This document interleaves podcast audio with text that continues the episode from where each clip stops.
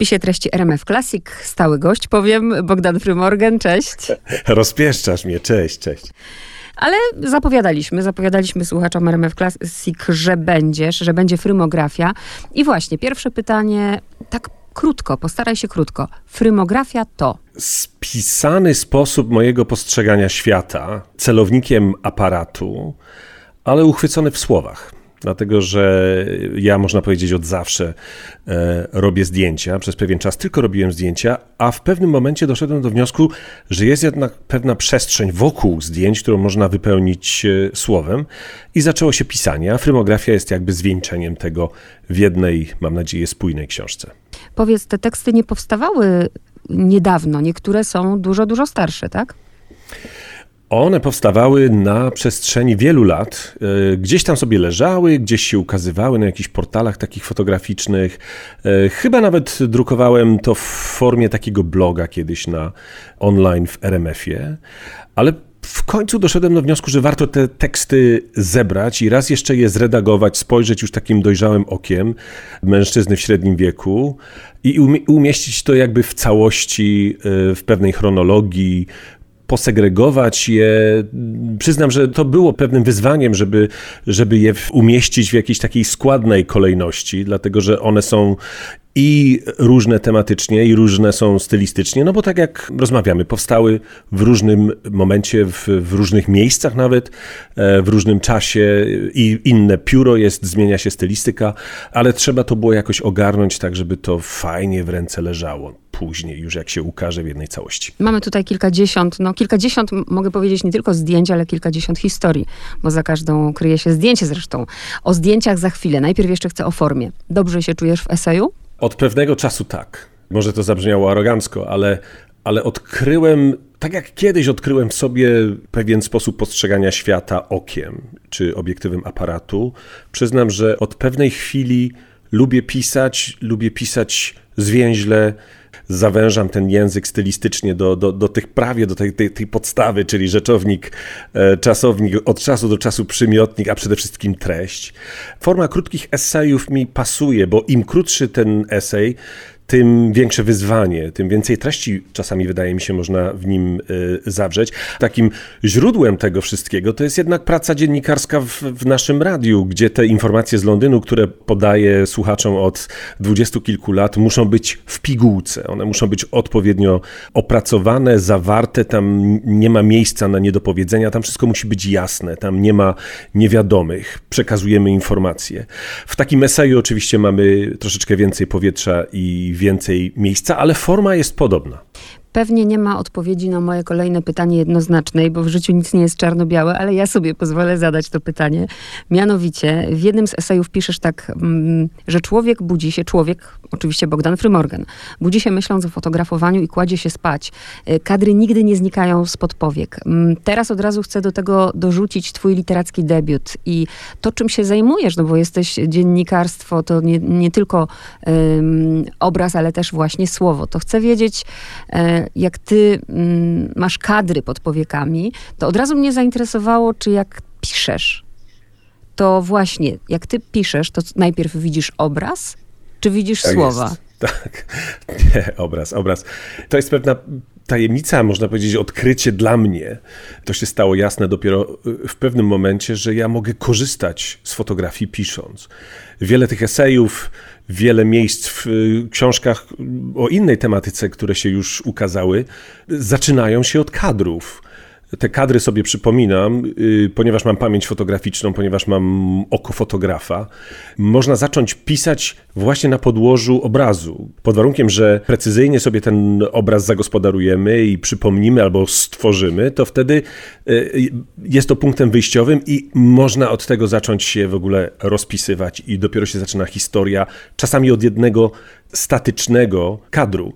Także jest, jest to pewien mechanizm, który gdzieś tam sobie odkryłem i którego się trzymam. Nie ukrywam, że w moim pisaniu właśnie lubię wracać nie do filmów, tylko właśnie do, do statycznych zdjęć, do, do ułamków sekund, które gdzieś tam zapamiętałem w głowie, bo bardzo często ja robię zdjęcia bez aparatu, po prostu one się gdzieś tam zapisują pod, pod powiekami, tak jak w karcie pamięci w elektronicznym urządzeniu.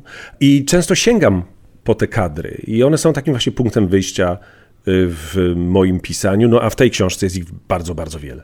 Ale teraz mnie zastanowiło to, jak powiedziałeś, nie chcę, żebyś to, broń Boże, źle odebrał, ale zastanawiam się, czy jak tak bardzo myślisz o fotografowaniu i jakby patrzysz na ten świat yy, i od razu widzisz te kadry, to czy to nie jest tak, że ty nie widzisz tego świata, a widzisz te kadry. Rozumiesz, o co mi chodzi? Że to, że to już jest w tobie taki przymus, że ty widzisz i patrzysz i, i, i widzisz to poprzez zdjęcie, poprzez kadry, a nie widzisz tego, co jest.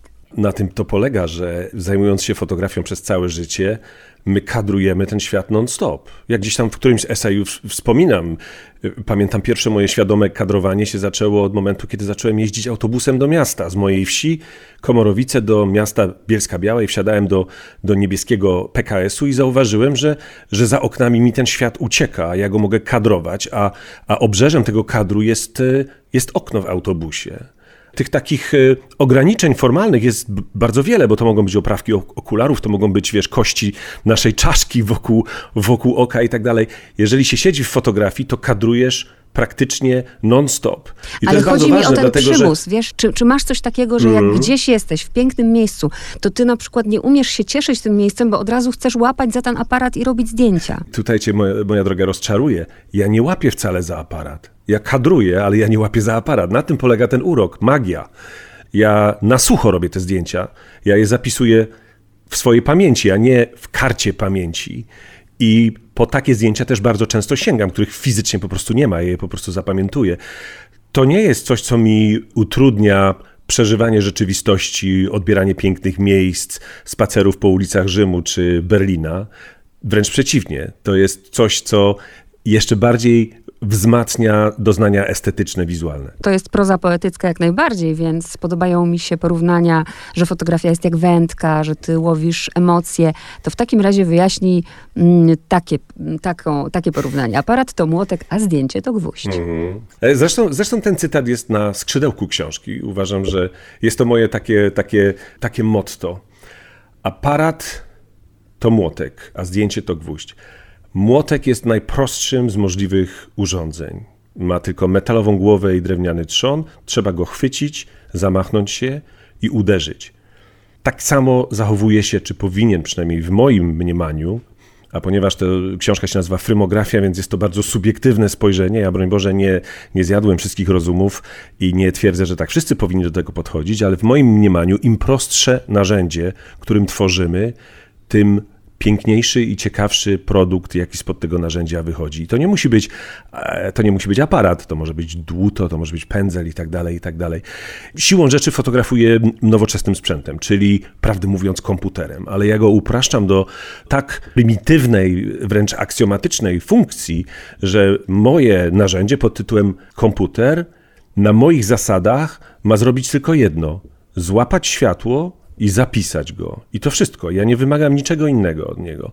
Dlatego mój aparat jest młotkiem. Natomiast zdjęcie porównuję do gwoździa, bo żeby to zdjęcie było dobre, trzeba tym, trzeba tym młotkiem po prostu w odpowiedni sposób, trzymając go odpowiednio, przyłożyć. I wtedy możemy mówić o powstaniu fotografii na, na naszych zasadach, czy na moich zasadach.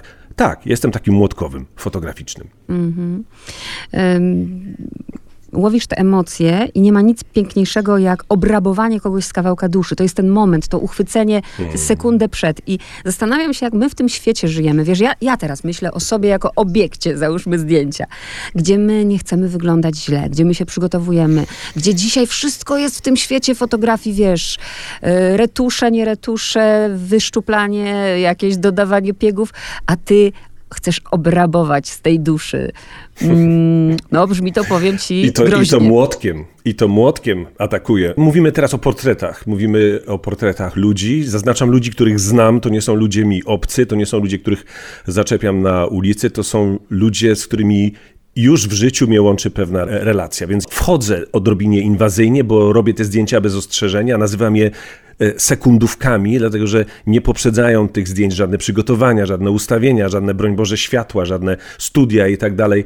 W pewnym momencie czuję, że ktoś pozwala mi wejść do bardzo intymnej przestrzeni. Ja wyciągam ten aparat, robię błyskawicznie to jedno zdjęcie, jedno zdjęcie i go chowam i uśmiecham się na zasadzie podnoszę ręce do góry, mówi tak, wybacz, ale musiałem to zrobić. To są wszystko moi przyjaciele. Oni rozumieją tą moją chorobę, bo nazwijmy to już jednoznacznie i wprost chorobą, tą, tą chorobą, która polega na tym, że ja po prostu w pewnym momencie muszę zrobić, zrobić zdjęcie, ale dzięki temu, że ja to robię odrobinę za wcześnie, jakby o pół sekundy dzięki temu oni nie mogą opuścić parawanu, dzięki tego oni nie mogą schować przede mną tego, tego odkrytego człowieczeństwa, a to mnie interesuje. I dlatego na tych, na tych zdjęciach ci ludzie wychodzą tak, jak wychodzą. No, musiałbym cię odnieść do, do tych fotografii, czy naszego słuchacza do, do fotografii, które można obejrzeć na moim Instagramie, bo ja na Instagramie trzymam tylko i wyłącznie fotografie właśnie y, portretowe, które grzecznie czekają sobie gdzieś tam na jakieś, na jakieś publikacje. I w tym sensie okradam ich z duszy, zabieram im coś, no na pewno coś cennego. Jest wiele mm, na świecie, istnieje wiele miejsc, istnieją szczepy Indian do dziś, na które, które wierzą, że, że nie należy im robić e, zdjęcia, dlatego że właśnie ten ktoś jest intruzem i ten ktoś próbuje ukraść kawałek osobowości, kawałek życia. Doświadczyłem tego na własnej skórze, na przykład w Afryce, chociażby w, w, w Maroku, gdzie ewidentnie Marokańczycy nie lubią, jak, jak ich się fotografuje, a już tym bardziej jak, e, przepraszam za określenie, biały człowiek to robi. My rozmawiamy o czymś bardzo intymnym. Mówimy o takim atelier, które jest w zasięgu ręki, które jest spokojne, komfortowe, być może przy winie, być może na jakimś spotkaniu towarzyskim, gdzie ludzie się odkrywają. I tak jak mówię, dostaję rozgrzeszenie, więc wciąż uprawiam ten sport, ale prędzej czy później ktoś mnie ochrzani. Chociaż jednego nawet nie rozgrzeszenia, nie dostajesz chyba pozwolenia. Ja teraz żartobliwie to mówię, bo bardzo mnie zaintrygowała postać twojej szanownej małżonki, której, jak, a jeszcze bardziej mnie zaintrygowało, mm. jak napisałeś, że w starym życiu była modelką. I tutaj dlaczego nie można jej uchwycić? To znaczy można, wiesz, ja mam kilka zdjęć, ale nie wolno mi ich publikować. Muszę uszanować jej e, prośbę. To prawda, moja żona kiedyś y, była modelką, śmiem twierdzić, światowej y, sławy i światowej klasy i brała udział w niezwykłych y, sesjach fotograficznych. Ja też kiedyś podglądałem tą jednym, jednym okiem, jeszcze zanim się zająłem fotografią na zasadzie takiej, że wpadałem powiedzmy na, na, na plan fotograficzny, żeby zobaczyć jak to wygląda. I ja mam w domu, wiesz, cudowne albumy zdjęć mojej żony wykonanych przez najwspanialszych fotografów na świecie, jacy chodzili po, po tym ziemskim padole. I one są absolutnie fantastyczne. Ja nigdy nie, nie konkurowałbym z tymi zdjęciami. Ja mam zdjęcia, bardzo piękne uważam, zdjęcia mojej żony, których nie pokazuję już w jej dojrzałym wieku, ale to są nasze zdjęcia. A czy te zdjęcia jej ze starego życia można znaleźć w sieci? One są tylko dla bardzo wąskiego e, kręgu odbiorców. Po prostu muszę uszanować to. Poza tym to nie są moje zdjęcia, więc nie mam prawa ich publikować ani, ani rozpowszechniać. No tu zadziałała, wiesz, no to, to, to od razu taka ciekawość, bo, bo szperałam, szukałam, chciałam, to mnie zaintrygowała mnie postać w ogóle twojej żony. Ale jest poświęcony esej mojej żonie z ilustracją jednego zdjęcia, na którym stoi, widać ją z tyłu, podpiera piękną kolumnę w Pompejach ale to wszystko, na co sobie możemy pozwolić. Tak. E, teraz bo oprócz tego, że fotografia jest dla ciebie, dla Bogdana Frymorgana, porządkowaniem rzeczywistości, jest też formą terapii. Wyjaśnij. To można powiedzieć ma dwie strony ten medal, bo robienie zdjęć, na przykład mnie robienie zdjęć e, wprawia w stan niemal hipnotyczny. To jest taki trans. Ja przestaję oddychać tak szybko, jak oddycham, biorę co drugi oddech, w pewnym momencie troszeczkę w głowie się zaczyna kręcić i rozpoznaję ten stan mniej więcej tak, jak stan gorączki człowiek rozpoznaje. I wtedy wiem, przyznam ci się, że tak naprawdę teraz robię zdjęcia naprawdę. Kiedy czuję ten delikatny szum, kiedy czuję ten zwolniony oddech, wtedy wiem, że zajmuję się e, fotografią na 100%. Dlatego ja nie robię, wiesz, ja nigdy nie chodzę z aparatem, ja, ja nie mam tego aparatu nigdy przy sobie od tak na wszelki wypadek. Jeżeli mam robić zdjęcia, to podchodzę do tego na tyle poważnie, że to jest jak praca. Ja to po prostu mus, muszę sobie odpowiednio ten czas zaplanować, muszę sobie tą przestrzeń sobie wygospodarować i wtedy biorę aparat i wtedy mówię sobie, a teraz Bogdan, przez następne dwie, trzy godziny nie będziesz nic innego robił, tylko będziesz oddychał, będziesz się żywił, i będziesz czuł tylko i wyłącznie obiektywem aparatu. I dopiero wtedy wychodzą zdjęcia, które ja nazywam, pozwalam sobie je nazywać, zdjęciami prawdziwymi, czyli takimi, które mają jakieś znaczenie. Zresztą wiesz, ja non-stop sobie zadaję pytanie, zawsze jak biorę aparat do ręki, czy to, co za chwilę się stanie, czy to zdjęcie, które za chwilę chcę zrobić, czy ma sens, czy nie, czy, czy ono wpłynie na mnie w jakiś sposób, czy będę do niego wracał. To jest niezwykle ważna umiejętność, dlatego że edytuję już te zdjęcia, zanim one powstają i, i bardzo często, najczęściej rezygnuję z robienia zdjęcia, bo odpowiedź jest nie, to zdjęcie niczego nowego nie wniesie. Już robiłeś kiedyś takie zdjęcia. Odłóż aparat. Niepotrzebnie się za niego, za niego łapiesz. Także to jest ta strona terapii, ale jest też terapia właśnie i jest pewien esej poświęcony konkretnej sytuacji i też zaczynamy go od, od konkretnego kadru. Przyjaciela mojego syna, któremu zrobiłem zdjęcie na okładkę płyty, a który wybrał się kiedyś, wyszedł z domu bez inhalatora, a cierpi na na astmę i, i wylądował w szpitalu na oddziale intensywnej terapii kompletnie podłączony do aparatury, niereagujący, będący w zawieszeniu praktycznie między życiem a śmiercią przez, przez kilka dni i zdradzam może treść tego, tego opowiadania, tego eseju, ale to absolutnie stuprocentowa prawda. Jego matka poprosiła mnie, żebyśmy to zdjęcie jego, które mu zrobiłem na okładkę płyty, żebyśmy postawili na nocnej szafce zaraz obok, obok łóżka, obok tej, tej aparatury z tlenem i, i sztucznym płucem i tak dalej, i tak dalej, żeby jak się obudzi, żeby pierwszą rzeczą, jaką zobaczy, żeby był on a obok stał y, mały głośniczek, skąd sączyła się jego muzyka. Też z takim założeniem, że jak się obudzi, mieliśmy nadzieję, że się obudzi i obudził się, że pierwszą rzeczą, jaką usłyszy, żeby była jego muzyka. Także czasami cuda się zdarzają, że fotografia może być terapią nawet w taki dosłowny sposób. Ja rzeczywiście ten esej też zrobił na mnie wrażenie, byłam bardzo ciekawa. Czytałam ten esej tak jak wiesz, jak się czyta, nie wiem, jakoś, jakiś wciągający kryminał, bo chciałam wiedzieć, jak to się skończy. Także no, historia mrozi. Powiedz, właściwie to mi odpowiedziałeś na to pytanie, właśnie swoją wypowiedzią, bo ja chciałam, moje kolejne pytanie było w takim razie, czy, czy zadajesz sobie pytanie co, czy zadajesz sobie pytanie po co? A tak już odpowiedziałeś mi, że tak naprawdę przy każdym zdjęciu to pytanie po co jest zdecydowanie ważniejsze. Ta moja książka poniekąd jest takim apelem, żeby zadawać sobie jak najwięcej takich pytań, żeby częściej o fotografii myśleć nawet niż robić zdjęcia, bo niezwykle cenną rzeczą jest myślenie o fotografii.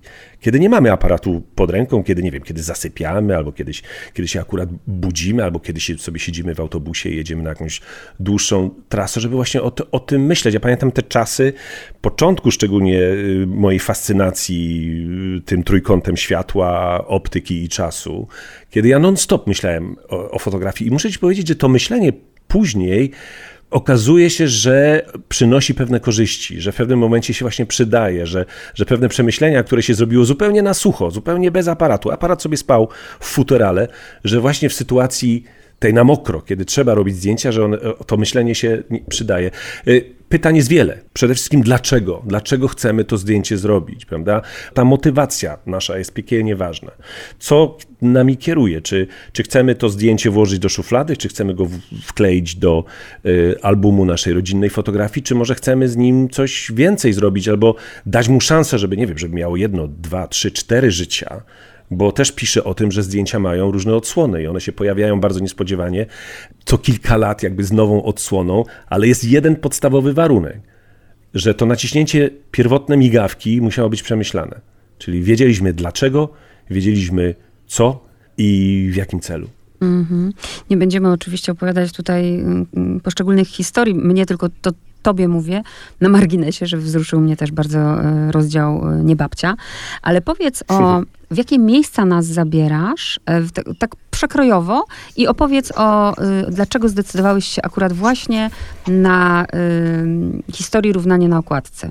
Na tym zdjęciu jest samotna kobieta leżąca na takim betonowym cokole. Tych cokołów jest bardzo, bardzo wiele, różnej wysokości są i to jest, jest taka perspektywa dosyć rozległa.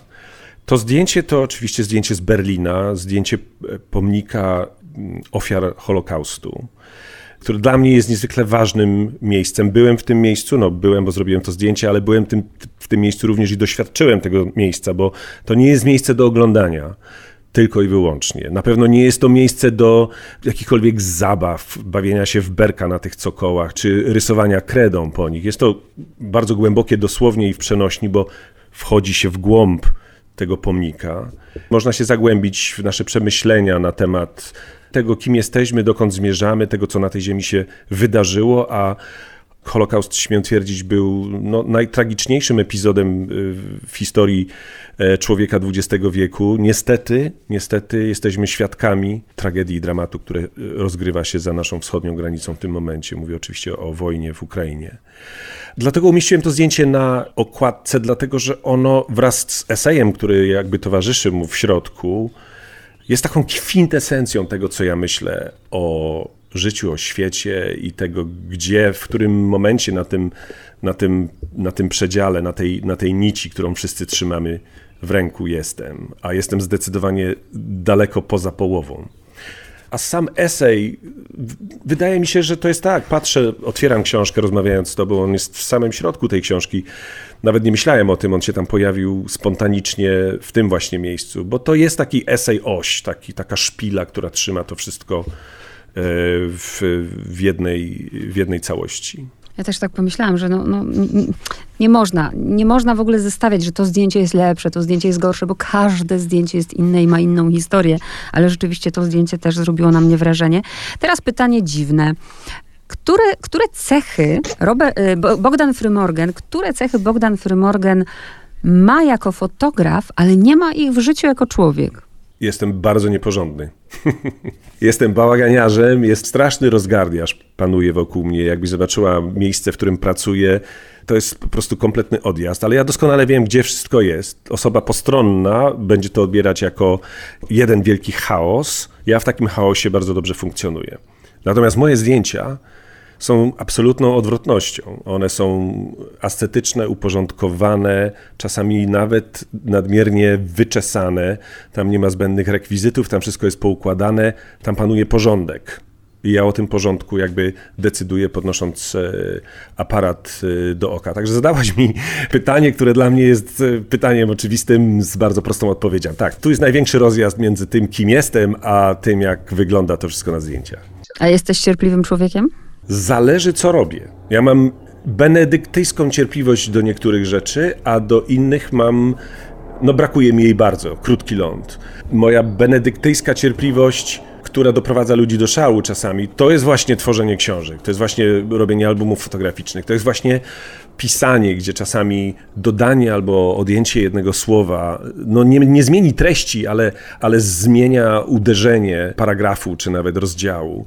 I ja potrafię nad czymś takim bardzo długo, długo pracować i, i dopieszczać, precyzować pewne rzeczy i zupełnie mnie to nie męczy. Natomiast osoba, znowuż osoba inna, która na to spoglądnie inaczej, bardziej obiektywnie, może dojść do wniosku, że, no, że mam po prostu pod kopułą niepoukładane, bo potrafię być bardzo upierdliwy.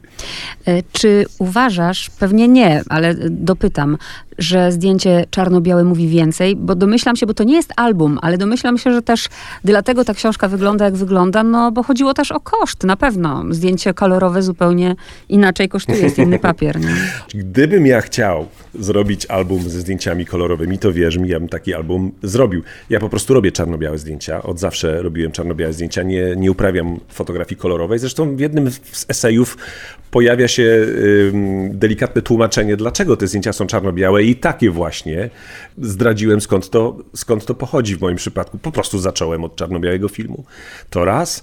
A dwa, bardzo duże wrażenie na mnie w dzieciństwie zrobił telewizor czarno-biały. Jako młody chłopak wyrastałem w towarzystwie czarno-białych obrazów, a nie kolorowych. Ten świat był wtedy czarno-biały, bardziej wydawał się szczery, bardziej prawdziwy i tym poniekąd się zafascynowałem. Nie mówiąc już o tym, że olbrzymie wrażenie na mnie wywarło obejrzenie po raz pierwszy filmu Siódma Pieczęć Bergmana, gdzie zresztą chyba dziękuję w mojej książce na samym końcu człowiekowi, który stał y, za y, kamerą y, a nazywał się Gunnar Fischer oczywiście, kogo, kogo nazywam w mojej książce okiem siódmej pieczęci.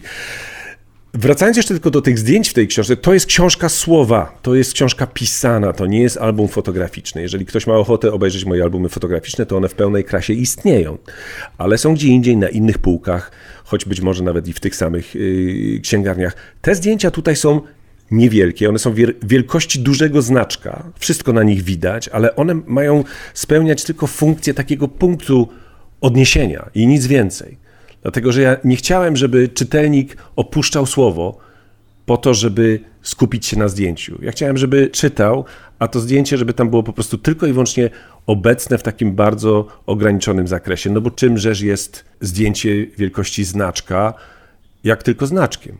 A powiedz, dlaczego nie dziękujesz, y, bo na końcu tutaj słuchaczom mówię, mamy właśnie ludzie, których podziwiam i którym wiele zawdzięczam i nie dziękujesz tutaj Chrisowi, Brytyjczykowi, któremu wiele zawdzięczasz, dlatego, że poświęciłeś mu oddzielny esej? E, nie, moja droga, dlatego, że gdybyś doczytała do końca, to w nocie od autora zauważyłabyś, że poświęcam, że poświęcam, że poświęcam mu nieco więcej niż tylko y, dwa słowa Mojemu nieżyjącemu już przyjacielowi Krysowi Szworcowi dziękuję za uchylenie pierwszego rąbka fotograficznej tajemnicy. E, powiedz jeszcze, mm, no bo tu nawiązujemy do naszego ostatniego spotkania. Mm, hmm. Zadedykowałeś tę książkę Senie. Tak, dlatego że wszystko z czegoś wynika i skądś pochodzi. Nie ma w tej książce rozdziału poświęconego fotografowaniu zwierząt, dlatego że już ten rozdział był w mojej pierwszej książce, Okruchy Większej Całości. Natomiast Sena moja ukochana odeszła mniej więcej w tym samym czasie, jak ja pracowałem nad tą książką. Rozmawialiśmy o książeczce poświęconej Senie o, o, o, ostatnim razem, ale pomyślałem sobie właśnie, że będzie dobrze zadedykować tę książkę mojemu ukochanemu psu, właśnie dlatego, że nie ma już w tej książce rozdziału poświęconego fotografowaniu zwierząt. E, a być może kiedyś powstanie książka tylko i wyłącznie o tym. Ale w tym momencie jestem na tak zwanym odwyku. Jestem bez psa, opiekuję się psami moich przyjaciół. Za wcześnie jeszcze, żebym, żebym zaczął y, dzielić swoje życie z czterema łapami pod jednym dachem. Jest po prostu dla seny. Nawet nie tłumaczę, że to jest dla psa. Nie wszyscy muszą wiedzieć. Um. Nie miej cudzych bogów przed sobą i nie bądź Bogiem dla innych, to pierwsze przykazanie w fotografii, pozostałych dziewięciu nie będzie. To przykazanie wystarczy, żeby robić dobre zdjęcia?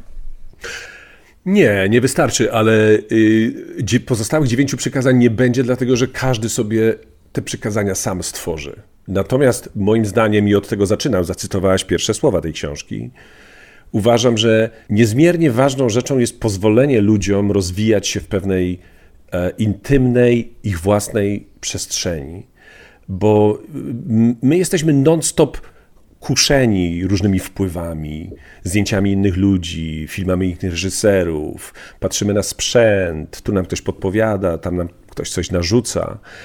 A moim zdaniem najwspanialsze rzeczy wychodzą właśnie z takiego stanu skupienia, gdzie szukamy inspiracji w samych sobie gdzieś moje życie, czy to, czym się zajmuję już jakby ponad dziennikarsko, jest takim moim prywatnym dowodem na to, że jest to możliwe, ale tych dowodów jest cała masa na zewnątrz również, dlatego że ja się na przykład fascynuję kinem i dla mnie, dla mnie kino pochodzące z takich egzotycznych miejsc jak Indie albo Iran, albo znacznie później Rumunia czy Egipt, kino, które wyraźnie nie polega na tych wzorcach, nie opiera się na tych wzorcach hollywoodzkich, zachodnich i tak dalej, jest kinem niezwykle fascynującym, ciekawym, dlatego że wyrasta jakby samo z siebie.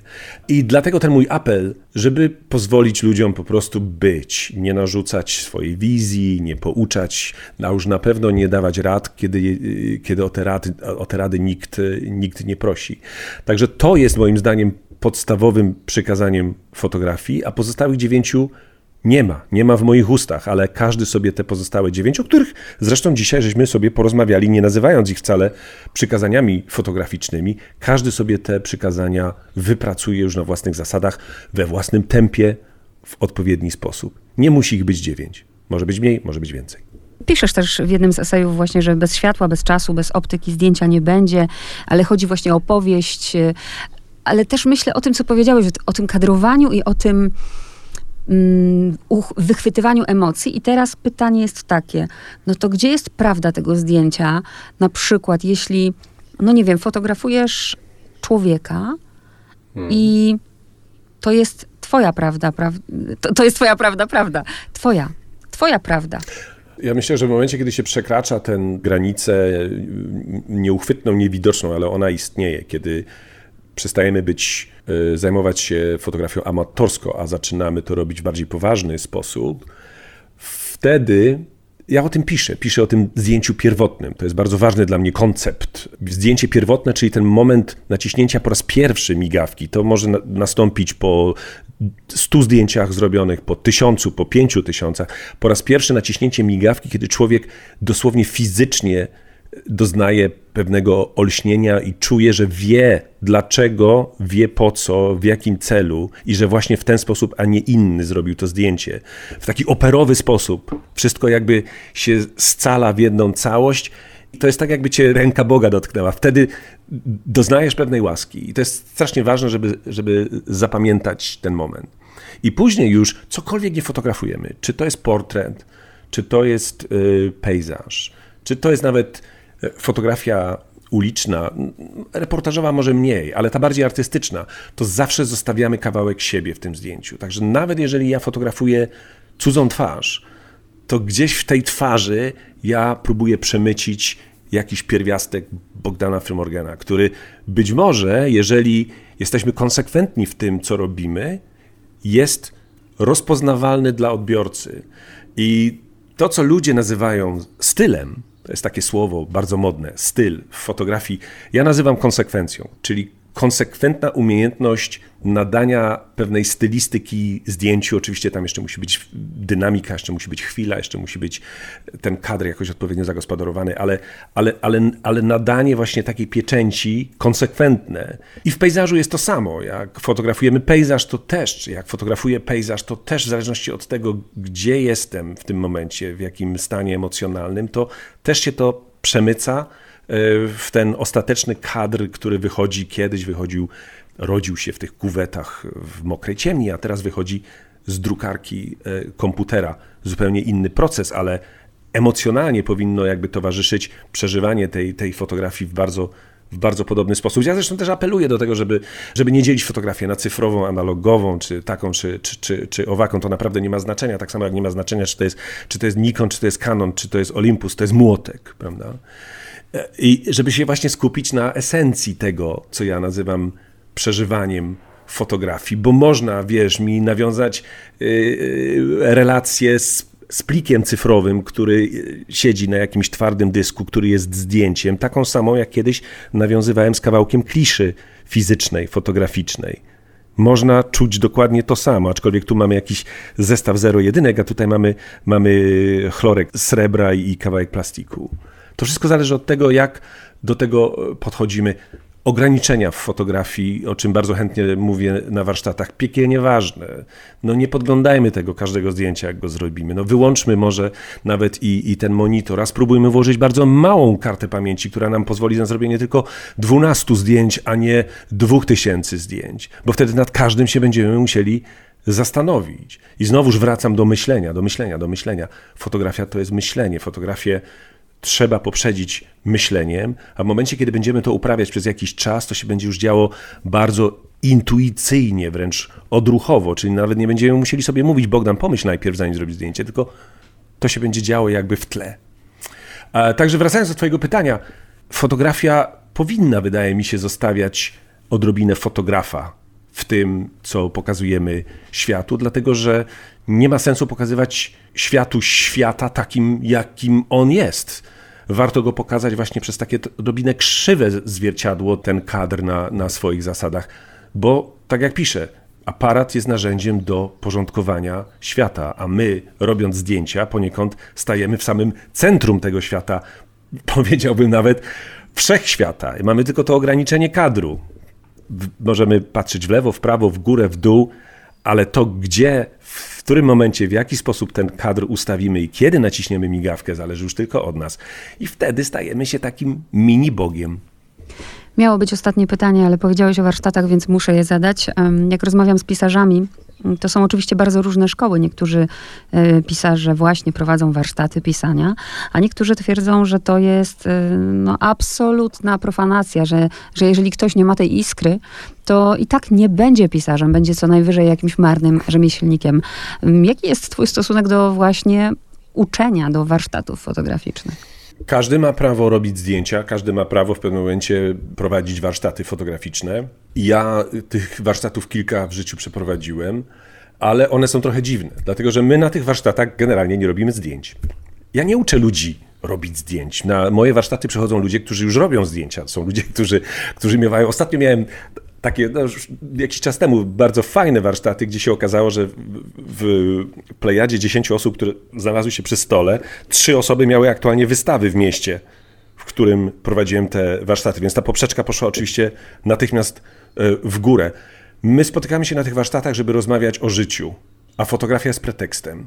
Rozmawiamy o muzyce, rozmawiamy o filmach, rozmawiamy o rodzicielstwie, rozmawiamy o, o wyzwaniach współczesnego świata.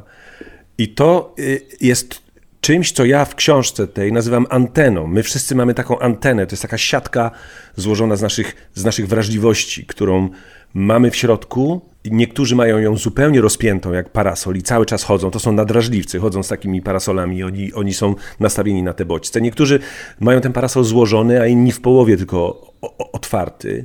I chodzi o to, żeby pozwolić sobie na to, żeby ta antena w odpowiednim momencie zadziałała. My nie musimy rozumieć, na jakiej zasadzie to się dzieje, ale umożliwić sobie właśnie ten kontakt mnie jako fotografa ze światem, który chcę sfotografować. I o tym na przykład rozmawiamy na, na, na warsztatach. Bardzo, bardzo często, jak, jak próbuję tłumaczyć ludziom, którzy organizują, organizują te warsztaty w, w moim imieniu, na czym polegają te warsztaty, no to na, na, samym początku nie bardzo możemy się zrozumieć, bo nie wiedzą o czym, o czym mówię, ale jak spędzamy ze sobą pod jednym dachem ten jeden, dwa, trzy dni, gdzie naprawdę niewiele fotografujemy, a przede wszystkim mówimy i jesteśmy ze sobą, co jest niezwykle ważne, jesteśmy ze sobą. Ja się uczę od tych ludzi tak samo dużo, jak oni ode mnie mam nadzieję. Warsztaty niejedno, niejedno mają e, imię. Oczywiście są warsztaty takie bardzo podstawowe, gdzie się ludzi uczy po prostu robić zdjęcia, gdzie się mówi o prostej zasadzie, wiesz, tej zależności między, między czasem, szkłem, a światłem. Ale są też warsztaty, gdzie po prostu pozwalamy się jakby unieść kompletnie nurtowi, emocjom. I najważniejsze jest to, żeby po tych dwóch czy trzech dniach ludzie wyszli z czegoś takiego zainspirowani czymś w ogóle nie zakładam opcji, że miałeś dzisiaj młotek przy sobie, wiadomo, już jakim językiem mówię. No ale gdzieś ten dzień jest za tobą. Co sobie zatrzymałeś dzisiaj pod powieką? Jaki kadr? Y, ja od trzech tygodni, czyli od pierwszego dnia wojny w Ukrainie piszę. Codziennie piszę. I wojna w Ukrainie to są kadry, to są filmy, to są straszne rzeczy, czasami wzruszające rzeczy kadr, tak, jest dzisiaj kadr, nawet skopiowałem go na dysk, chciałem go umieścić na Facebooku bez żadnego komentarza.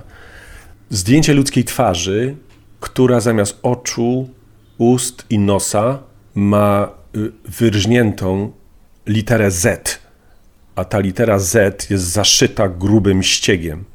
Czyli generalnie jest to twarz ludzka bez oczu, nosa i ust z literą Z, zaszyta grubym ściegiem, co jest w pewnym sensie strasznym symbolem tego, co się dzieje w Ukrainie.